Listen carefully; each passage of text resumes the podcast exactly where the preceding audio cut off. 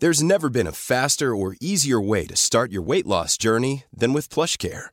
PlushCare accepts most insurance plans and gives you online access to board-certified physicians who can prescribe FDA-approved weight loss medications like Wigovi and Zepbound for those who qualify.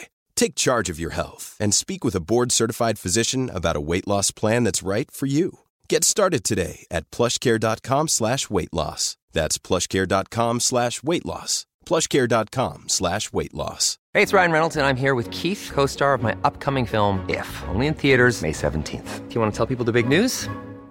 All right, I'll do it. Sign up now and you'll get unlimited for $15 a month in six months of Paramount Plus Essential Plan on us. Mintmobile.com slash switch. Upfront payment of $45 equivalent to $15 per month. Unlimited over 40 gigabytes per month. Face lower speeds. Videos at 480p. Active Mint customers by 531.24 get six months of Paramount Plus Essential Plan. Auto renews after six months. Offer ends May 31st, 2024. Separate Paramount Plus registration required. Terms and conditions apply if rated PG. Quality sleep is essential. That's why the Sleep Number Smart Bed is designed for your ever-evolving sleep needs. Need a bed that's firmer or softer on either side? Helps you sleep at a comfortable temperature? Sleep Number Smart Beds let you individualize your comfort so you sleep better together. JD Power ranks Sleep Number number 1 in customer satisfaction with mattresses purchased in-store. And now, save 50% on the Sleep Number limited edition Smart Bed for a limited time. For JD Power 2023 award information, visit jdpower.com/awards. Only at a Sleep Number store or sleepnumber.com.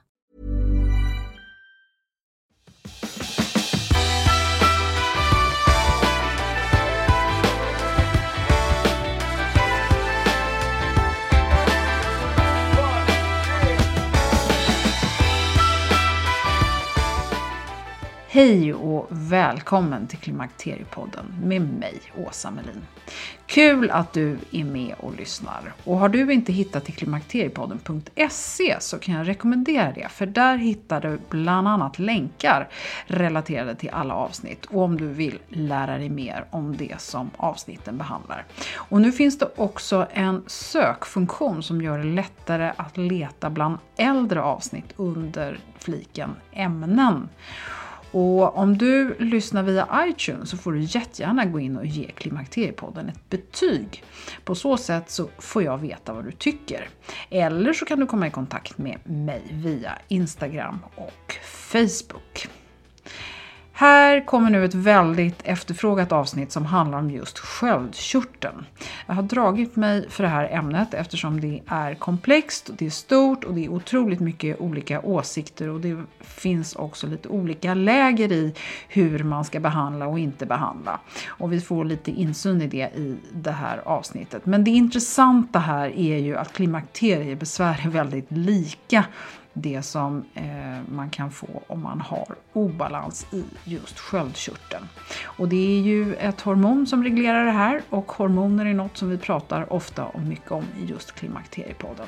Men vi kan inte hinna igenom alla aspekter så vi börjar här och så får vi kanske återkomma längre fram. Så välkommen och lyssna!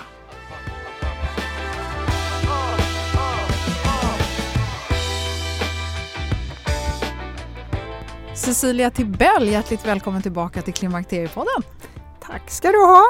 Vi har ju haft ett par väldigt intressanta samtal eller intervjuer tidigare i podden när vi har pratat om hormoner. För du är ju väldigt duktig på just det. För du är specialist på det som så fint heter endokrinologi, vilket betyder om läran om hormoner. Och då snackar vi inte bara könshormoner utan allihopa. Och sen så är du då dessutom specialist på invärtesmedicin och du har jobbat länge i eh, den här branschen och du är är bland annat aktiv på Sankt Göran där du jobbar med akutsjukvård och du har, jobbat, du har en bra bas med att jobba med övervikt och eh, du har mycket erfarenhet i bagaget. Jag tänker en av de sakerna som jag är nyfiken på nu det är det här med sköldkörteln. Och eh, det ska vi prata om idag. Eh, den som inte har lyssnat på avsnitt 80 och 81 får jättegärna eh, lyssna på dem med Cecilia. De var otroligt uppskattade och där talade vi just om hormoner och signalsubstanser och så berörde vi sköldkörteln men vi gick inte in på det för det är en liten körtel som är ganska besvärlig har jag förstått. Och så har du eh, dessutom en annan god egenskap och det är att du tittar på hela kroppen. Du har börjat utbilda dig i någonting som vi kallar för helhetshälsa och du har precis gjort spännande utbildningar i USA. Kan du inte kort bara berätta vart vi är på väg och, och vad är det du lär dig och hur är det du ser att vi behöver eller vad vi behöver mer av i vården i Sverige? Ja, lite kort då, då, så gör jag en kan man säga certifiering i USA för ett institut som heter eh, American Academy of Anti-Age Medicine. Och det kallas fellowship då i USA men, men man gör en certifiering kan man säga. Det är kopplat till ett universitet och det är erkänt som en kan man säga underspecialitet i USA. Så det gör jag och där har jag påbörjat och gjort en hormonmodul och så nu så har jag sysslat med, det, med vårt nervsystem eh, som då så fint heter neurologi och sen också med mage-tarm. Och orsaken till att jag har gjort det är just att jag tycker att vi behöver vi behöver ta med mer av hela patienten i rummet. För precis som du så fint sa så påverkar ju hormonerna framför allt men även eh, hjärna och annat och våran mage-tarm hur vi mår. Och ska vi bli bra doktorer då behöver vi ha hela patienten med oss i rummet, tänker jag. Så det är en av orsakerna. Och sen tror jag att vi kommer behöva förändra vår sjukvård och ta ett steg tillbaka och titta lite mer på att ägna tid åt patienterna på ett annat sätt än vad vi gör idag. Mm. Det som vi pratar om som helhetshälsa. Ja, men också individanpassat. Mm. Att se dig som unik individ med unika förutsättningar. Mm. Ja, det har vi tjatat om många gånger här i podden så att, eh, det vore ju mm. fantastiskt om vi kunde komma bort från de här kvartarna eller 20 minuters besöken och dålig uppföljning. Eh, men om vi ska komma in på den här lilla sköldkörteln då. V vad är det för någonting och hur, hur ska den fungera? Vad, kan vi börja där? Ja, eh, sköldkörteln sitter ju på halsen strax nedanför det som killarna har, ett sånt där adamsäpple och är en, en körtel då som består av två delar, en höger och en vänsterlob och en liten mittdel som vi kallar istmus. Eh, den styr kan man säga våran ämnesomsättning i kroppen, det vill säga hur snabbt hjärnan fungerar, hur fort hjärtat slår, hur mycket vi förbränner, hur snabbt magen rör på sig. Jag brukar säga att det är en liten gas i systemet. Och går det för långsamt i gasen i systemet, ja då hackar ju motorn på ett eller annat sätt. Så att, att man kanske blir trög i magen, man känner sig slö i huvudet, har svårt att fokusera, emellanåt faktiskt svårt att sova fast man hela tiden känner sig trött och många går upp i vikt, samlar på sig vätska och blir förstoppade. Det är lite som om det blir liksom när det hackar åt det hållet. Om någon kör i gasen för mycket fast vi ligger kvar i treans växel, ja då blir det istället som vi springer maraton hela dagarna. Hjärtat pickar på, vi är varma, vi svettas, vi går ner i vikt fastän vi äter oavbrutet, man kan bli lite lös i magen. Och, men man känner sig trött och får oftast muskelvärk. I ena fallet då för att systemet går för långsamt och lite grann i andra fallet för att man aldrig hinner reparera. Eh, så en del symptom blir lite samma fast olika. Mm. Så så lite kort. Mm. Och, och, varför, eh, i, i, vad är det som liksom indikerar, du, nu, nu sa du redan vad det är som indikerar att den inte fungerar som det ska men jag har förstått att alltså, över, eller omkring en halv miljon i Sverige behandlas idag för eh, underaktiv sköldkörtel eh, och eh, det här är oerhört vanligt just hos kvinnor. Va, va, va är, vad är det som, varför blir det så här? Ja, den vanligaste orsaken är ju någonting som heter Hashimotos då, lite fint och som egentligen går ut på att kroppen bildar antikroppar eh, som ger sig på ett utav eh, enzymerna i körteln som gör att man inte kan producera som man ska. Oftast så börjar körteln växa till sig för den försöker kompensera så man får det som kallas struma. Det är en autoimmun sjukdom och det är så här att vi kvinnor är bättre på att få autoimmuna sjukdomar än vad män är. Och autoimmuna sjukdomar betyder? Att kroppen av eh, olika anledningar helt plötsligt vänder sig mot sig själv. Det vill säga vårt immunförsvar börjar bilda antikroppar. Eh, ett annat exempel på en sån sjukdom är typ 1 diabetes vanlig reumatism, inflammatorisk tarmsjukdom. Ja, det finns en uppsjö. En runt 150 sjukdomar idag. Mm. Eh, från att för bara 30 år sedan kanske röra sig om ett 20-tal. Det här är en ökande trend i hela världen att vi får mer och mer sådana här sjukdomar. Och det handlar väl om hur vi lever mm. i ganska stor utsträckning. Men att det är kvinnor det tror jag beror på att vi är utrustade med ett immunförsvar som ska kunna härbärgera ett foster utan att stöta det ifrån sig. Så vi har, en eh, vi har ett modifierat immunförsvar eh, till skillnad från män som liksom har sin konstanta hormonproduktion. Ja okej, okay. du menar att hormon, de generella ja. Eh, svängningarna i framförallt våra könshormoner kan då stöka till sköldkörtelns hormon eller funktion? Ja definitivt, för att vi ser också att de här sjukdomarna dyker upp när vi har stora svängningar. Ja. I, eh, så en sån där debutålder om det är tidigt, ja det finns de få som föds med, med det som kallas hypotyreos när man har för lite hormon. Men eh, annars är när man går in i sin pubertet, det vill säga när det blir stora svängningar i könshormonerna. Eh, oftast inte när man blir gravid, men det händer. Men framförallt efter graviditet när man droppar från ett nästan tusenfaldigt värde i östrogen ner till noll så är det inte så ovanligt att folk utvecklar en, en hypotyreos. Då. Och sen är det just när vi går in i den här övergångsåldern som det dyker upp igen som en sån här ålder där det är vanligt.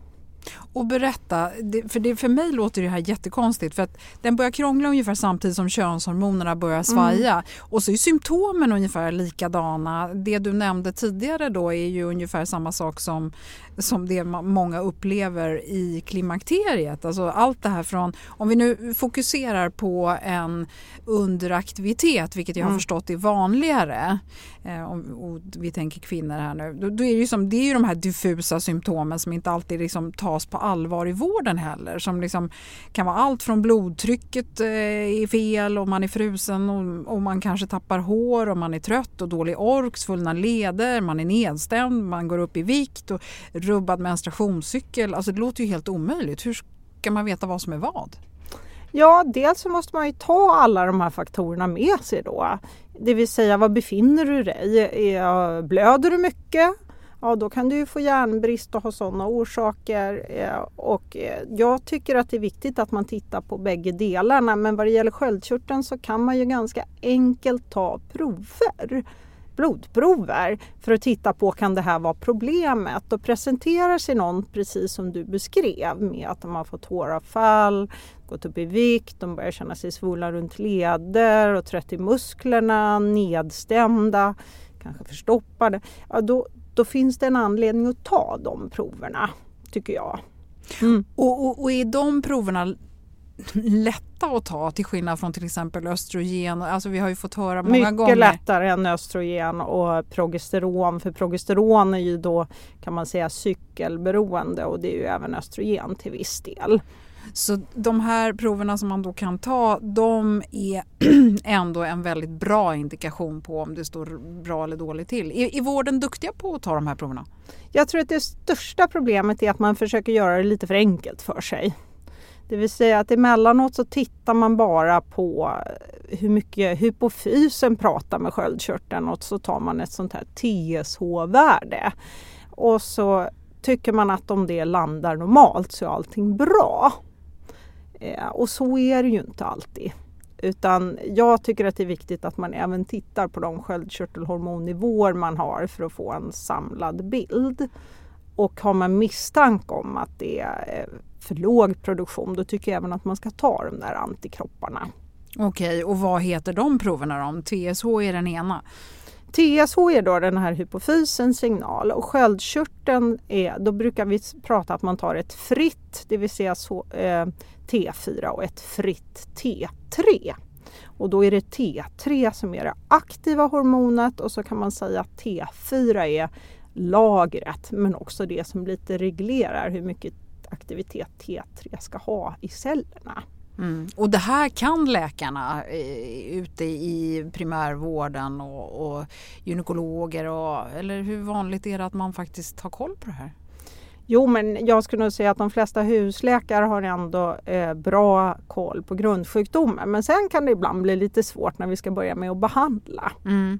Om, man, om man då kommer till en läkare och man får med de här symptomen som, som ju då för mig låter precis likadana som klimakterie, klassiska klimakteriesymptom utom, förutom att man kanske inte har vallningar på, på samma sätt eh, utan man svettas på ett annat sätt typ. Eh, då om man nu har fått läkaren att ta de här proverna och de ser bra ut, ska man, eh, då vill man gå vidare och tänka att det är klimakteriet då? Eller, alltså, jag vill veta hur ska man som kvinna tänka sig att eh, bli behandlad eftersom vården inte alltid gör som de ska? Ja, och där tycker jag att det är lite doktorns ansvar ändå att titta lite närmare på symptombilden och alltså fråga, ställa frågor. För det kan ju jag göra och det kan husläkaren göra. Är det så att du har märkt av påverkad mens? Blir det någon skillnad över månaden? Blöder du mer? Blöder du mindre? Saker som kan indikera var någonstans du befinner dig. Eller har du slutat blöda av de här symptomen? Eh, ja, men då har du ju nästan fått ett kvitto på att det handlar om, om eh, kanske mer om klimakteriebesvär. Ja. Eh, så att eh, dels så tycker jag eh, att man som patient faktiskt eh, kan fråga sin doktor eh, om, tror du att det här kan vara klimakteriebesvär? För då är det ju vettigt att träffa en gynekolog. Mm, mm. Okay. Det finns ju eh, en, en hel del saker som man kan göra själv eh, utgår jag ifrån. Om, om man nu liksom blir generellt sett känsligare när man går in i de här, när könshormonerna svajar och det kan påverka sköldkörteln. Hur ska man tänka för att balansera sköldkörteln eller hålla den i fin form då? Ja, då kan man ju tänka så här, vad behöver sköldkörteln då för att producera hormoner? Ja, då är det ju näringsämnen är ju en viktig sak. Eh, och eh, för att vi ska kunna bilda sköldkörtelhormon så behöver vi få i oss tillräckligt med jod. Eh, jod är inte ett stort problem idag i Sverige eftersom vi sätter till jod till våra salt. Eh, men det har samtidigt blivit en trend ju att gå ifrån vårt vanliga salt och istället använda oss av Himalayasalt och annat. Och då kan det hända att man inte får i sig tillräckligt med jod. Och då kan man ju säga att alger, eh, spirulina, sådana saker eh, och även till viss del fet fisk innehåller en del jod. Så det är så att säga bra mat. Sen behöver vi selen och zink Eh, för att kunna eh, sköta vår sköldkörtel.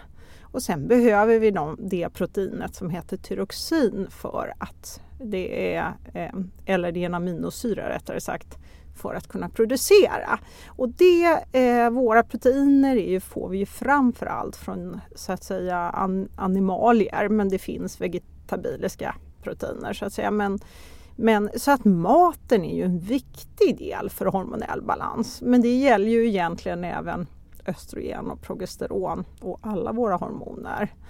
Ehm, så att jag säger att, att äta en varierad och grönsaksrik kost med bra eh, fisk köttprodukter och bra fetter, det är en bra grundförutsättning. Om man går in i klimakteriet och redan blir medicinerad för att man har en sköldkörtel. Nu, nu, nu blir det mycket att vi pratar, fokuserar på underproduktion för mm. att det är vanligare och då får man Levaxin som är det vanligaste eh, mm. läkemedlet i Sverige. Om man redan har det och har medicinerat med det under en lång tid och man kommer in i klimakteriet finns det anledning att börja fundera på medicineringen och dosering och sådana här saker?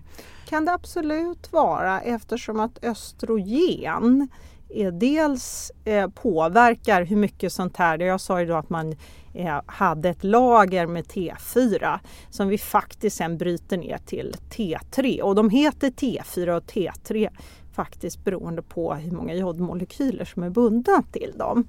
Så, eh, så att östrogen påverkar det och östrogen påverkar också hur mycket eh, protein som ska bära runt hormonet i blodet som produceras i levern. Och då kan det bli så, precis framförallt när man går in i den här lite före menopausåldern när östrogenet kan hoppa lite upp och ner. Så att det blir lite svängningar i hur man ska medicinera. Så att det kan finnas anledning att kolla och överväga om man behöver ändra dosen. Och vad är vanligast då? Att man ska upp eller ner?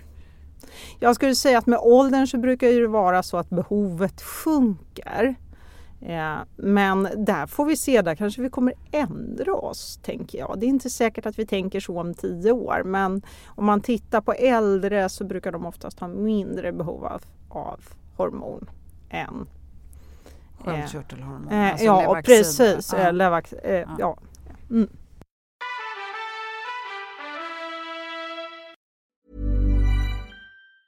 Quality sleep is essential. That's why the Sleep Number smart bed is designed for your ever evolving sleep needs. Need a bed that's firmer or softer on either side? Helps you sleep at a comfortable temperature? Sleep Number smart beds let you individualize your comfort so you sleep better together. JD Power ranks Sleep Number number 1 in customer satisfaction with mattresses purchased in-store. And now, save 50% on the Sleep Number limited edition Smart Bed for a limited time. For JD Power 2023 award information, visit jdpower.com/awards. Only at a Sleep Number store or sleepnumber.com. There's never been a faster or easier way to start your weight loss journey than with PlushCare PlushCare accepts most insurance plans and gives you online access to board-certified physicians who can prescribe FDA-approved weight loss medications like Wigovi and Zepbound for those who qualify. Take charge of your health and speak with a board-certified physician about a weight loss plan that's right for you.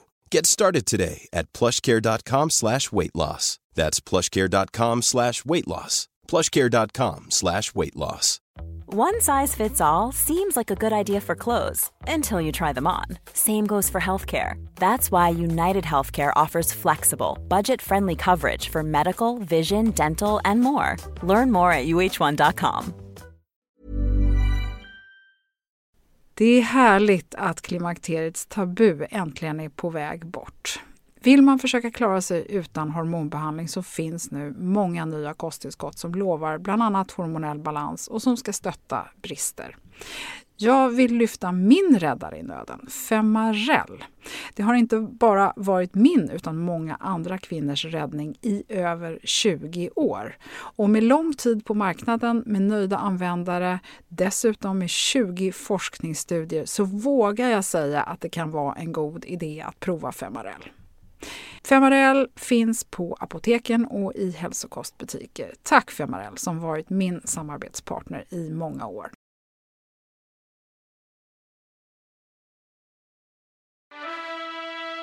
Eh, det finns ju en liten eh, om man börjar googla på det här med eh, sköldkörteln så verkar det vara liksom ganska mycket olika åsikter och läger. Allt från hur man ska medicinera och att vi inte har tillgång till alla olika sorters mediciner som finns och det verkar vara eh, det finns sköldkörtelförbund och det finns eh, olika social, grupper på sociala medier och det, läkare säger olika saker. Alltså varför är det här, varför har det här blivit så krångligt? Ja, då är det ju så att det som eh, Sköldkörtelförbundet bland annat, eh, men också många andra så att säga sköldkörtelaktiva patienter efterfrågar är många gånger att man tänker utanför det här standardmässiga Levaxin. För då är det så, det finns en mycket liten grupp genetiskt som eh, har direkta svårigheter att konvertera då från lagret T4 till det aktiva hormonet T3. Men så är vi ju individer med lite olika genetiska varianter så att eh, det finns en, en patientgrupp, framförallt folk som får väldigt mycket eh, effekt på sitt minne och koncentration och fokus och hjärntrötthet som mår bra av att få lite T3-behandling också. Och då finns det i dagsläget ett preparat som går att skriva ut utan licens. Men det är lite större i styrka och tycker jag personligen är lite svårt att dosera därefter.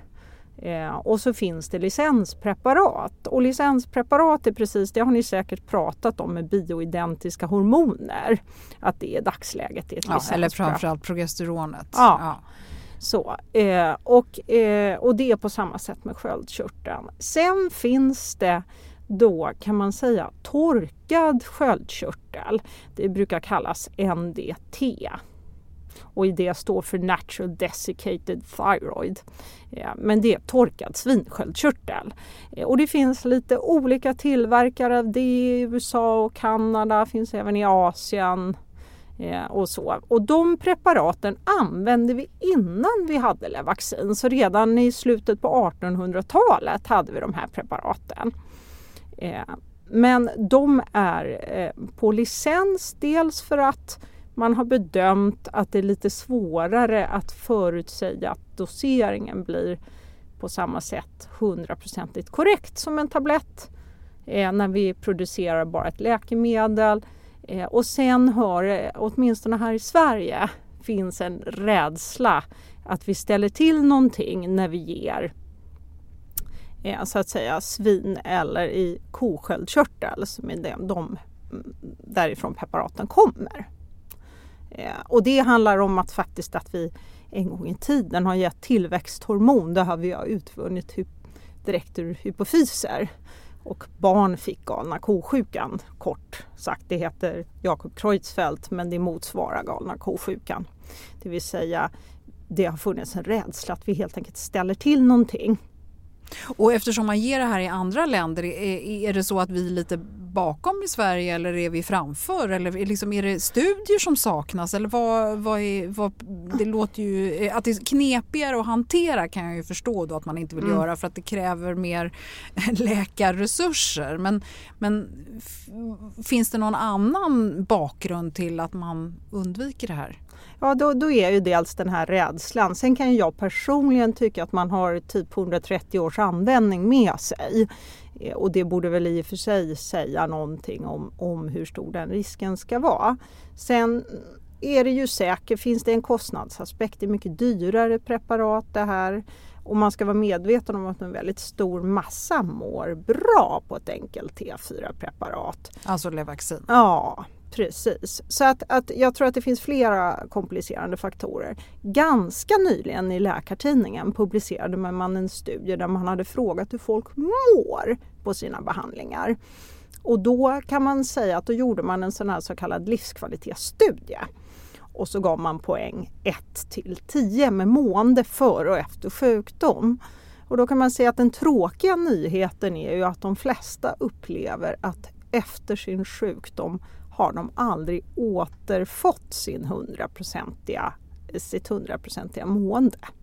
Och vilken del av måendet är det som brukar vara Ja, det handlar ju om, om eh, tror jag, alla faktorer. Att man känner att man kanske inte orkar på samma sätt, att man har lättare att gå upp i vikt. Jag träffar ju träffat väldigt mycket överviktspatienter som har fått sin hypotyreos och liksom rasat upp i vikt på ett halvår och sen blir det liksom aldrig så att de riktigt kan bli av med de där kilorna igen på samma sätt. Så dels det, men det man gjorde då det var att man, de fick poäng ge och då kan man säga att de som snittet på de som stod på motsvarande Levaxin och det finns även ett preparat som heter Evturox.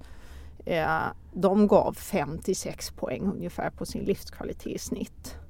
De som också fick lite T3 skårade ungefär en poäng till och de som stod på antingen en kombination utav eh, ett T4-preparat och sånt här NDT eller bara NDT, de skårade ytterligare ett poäng så de handlade någonstans runt sju. Mm. Ja. Och, och, om man eh, redan har hittat den här balansen och i, i sin eh, sköldkörtelmedicinering och man tillför hormoner, eh, om vi säger att man då har vallningar, alltså man utöver sin sköldkörtel så vet man att nu har jag fått klimakteriebesvär mm. som är mm. liksom direkt relaterade till östrogenbrist. Mm. Kan man sabba någonting då? För jag tänker att man kanske blir lite orolig om man nu liksom äntligen har hittat, hittat sin sköldkörtelbalans eller om man har en sköldkörtelbalans utan medicinering. Att lägga till hormoner, kan den bli arg då höll jag på att säga? Nej, det som kan påverkas, det som jag sa, det är ju den här konverteringen. Det kan, så det kan hända att man måste göra medicinjusteringar då. Men det här hormonet verkar ju ganska långsamt. Jag brukar säga det är ju sådär man tittar på hormoner. Så kortisol är ju sånt som vi måste liksom ha en peak varenda dag och så ska det klinga av. Och utan kortison i systemet så, ja, så överlever man inte. Sköldkörtelhormon är också sånt att man inte överlever men det går långsamt. Så förändringarna går långsamt, både uppåt och neråt och det måste man också ta hänsyn till när man medicinerar. Så man kan inte gå in med en full gas på någon som har bromsat ner till nästan noll i hastighet på grund av sin sjukdom.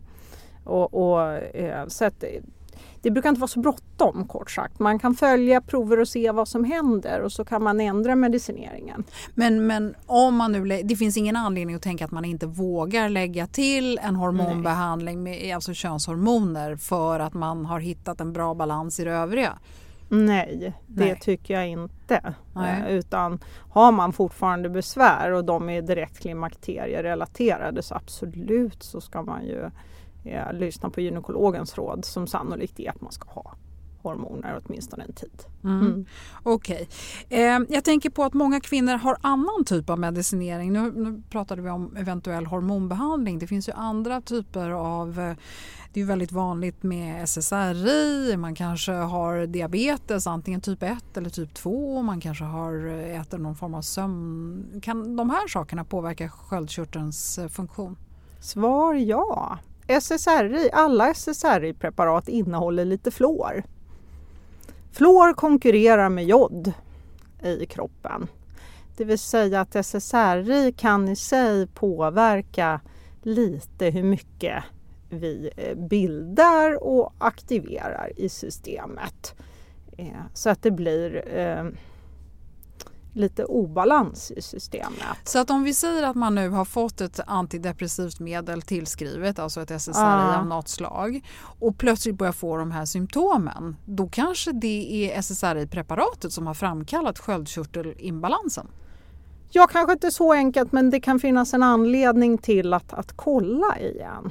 Men, men en del resonerar att det här är kanske en av orsakerna till att man tenderar till att öka i vikt eh, med serotonin. Och just på den här utbildningen jag var så var det just en herre som pratade mycket om våra miljögifter och våra läkemedel och hur de påverkar både våran könshormonreglering men också sköldkörteln. Och då tog han upp just det här att alla SSRI innehåller fluor som jag tyckte var ganska intressant ja. eh, sak som jag inte själv hade reflekterat över. Nej. Okej. Okay. Cecilia, utan att liksom få det här att låta omöjligt, hur, hur kan vi liksom sammanfatta god sköldkörtelbalans, god hormonell balans?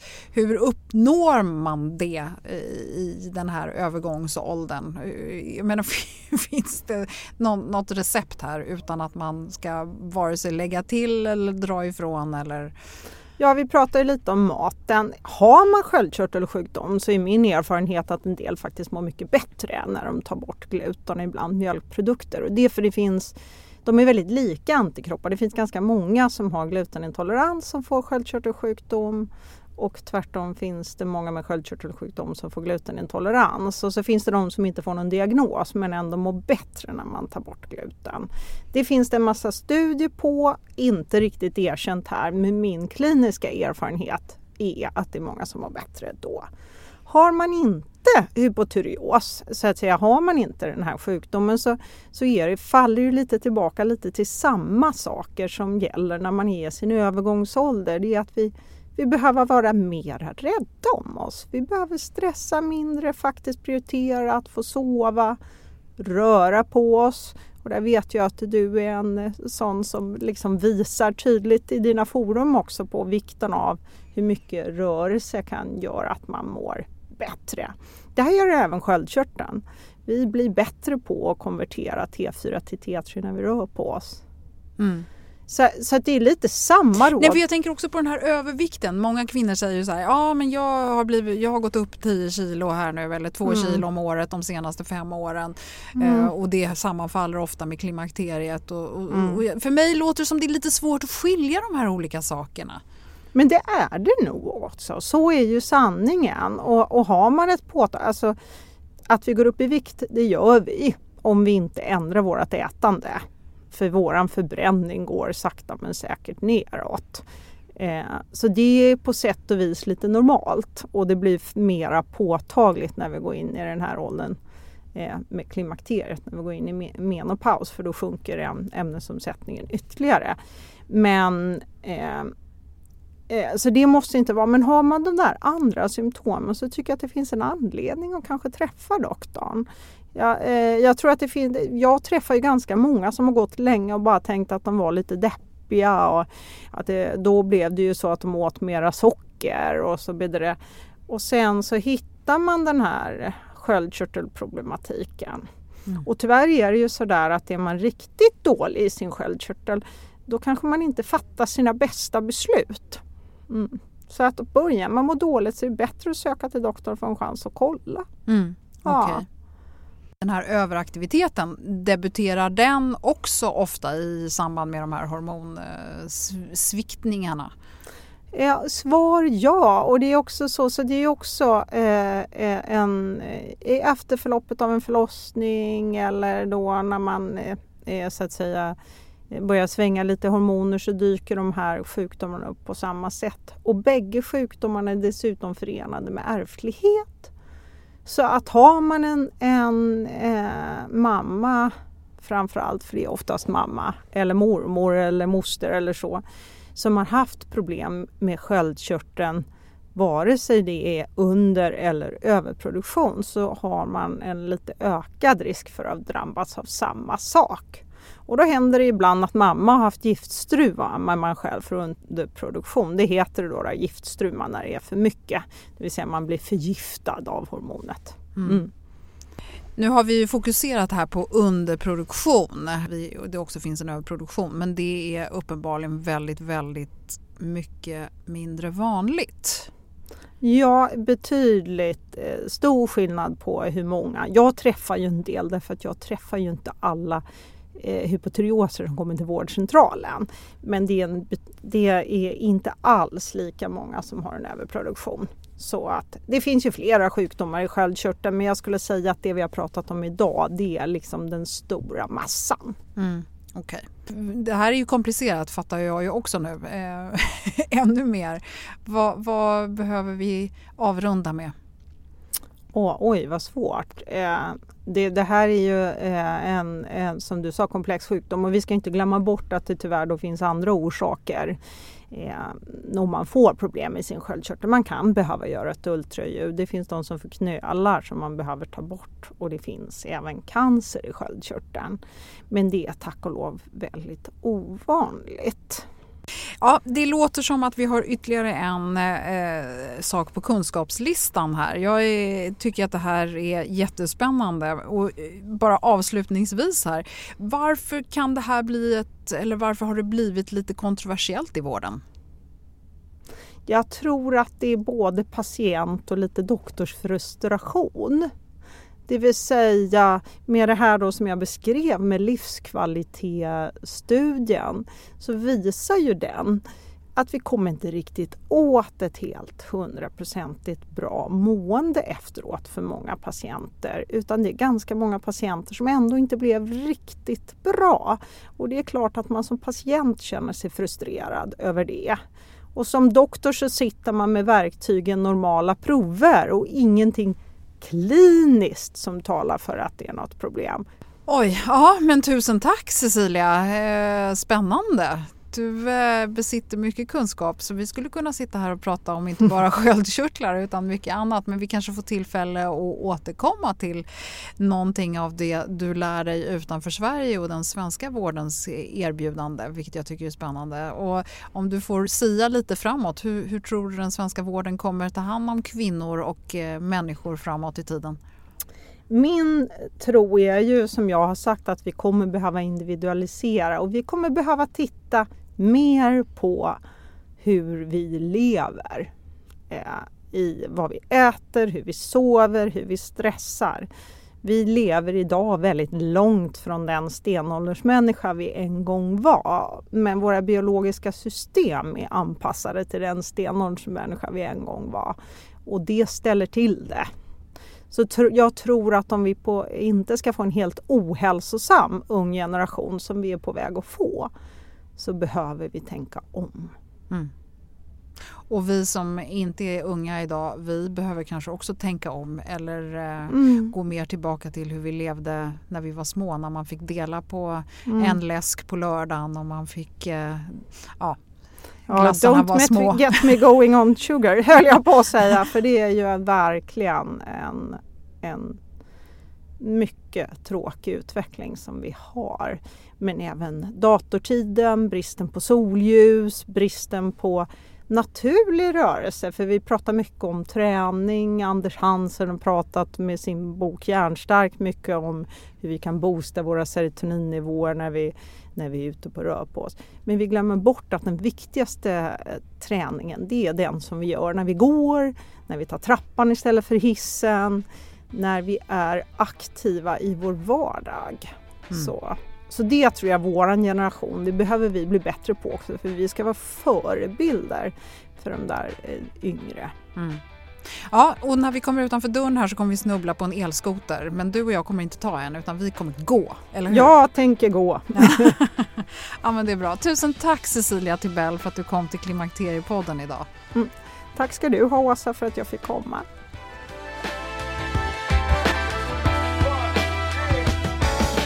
Ja, jag tycker Cecilia Tibell är superintressant med sin stora kunskap och alla vinklingar på hälsa.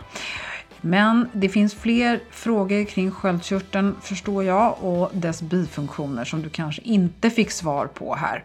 Och då får vi kalla det här för grundkurs och kanske fördjupa oss vidare längre fram. Så hjälp mig i så fall genom att inkomma med dina frågor på info.klimakteriepodden.se.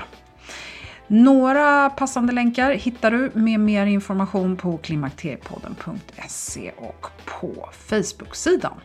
En fråga som vi tangerade hade med fluor och SSRI-preparat eller antideppmediciner som det heter i folkmun. Och eh, passande nog så ska vi i nästa avsnitt tala om hormoner och huruvida du blir deprimerad av hormonsvängningar och kanske till och med hormontillskott. Vi har professor Inger Sundström Porma med. Och eh, det är ju så här att 50% av alla kvinnor blir kliniskt deprimerade under sin livstid. Så är det mycket eller lite att 10% äter just SSRI-antideppmediciner? Ja, missa inte det. Lite svar får vi nästa gång. Och det finns mycket mer som kommer här i Klimakteriepodden framöver. Du får jättegärna följa Klimakteriepodden på Instagram och Facebook också. Och som jag sa i början, missa inte hemsidan. Stort tack för att du har lyssnat och välkommen snart igen. Hej då!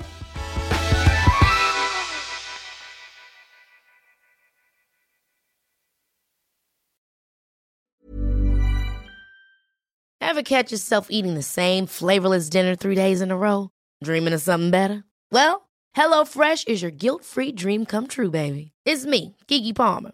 Let's wake up those taste buds with hot, juicy pecan-crusted chicken or garlic butter shrimp scampi. Mm. Hello Fresh. Stop dreaming of all the delicious possibilities and dig in at HelloFresh.com. Let's get this dinner party started.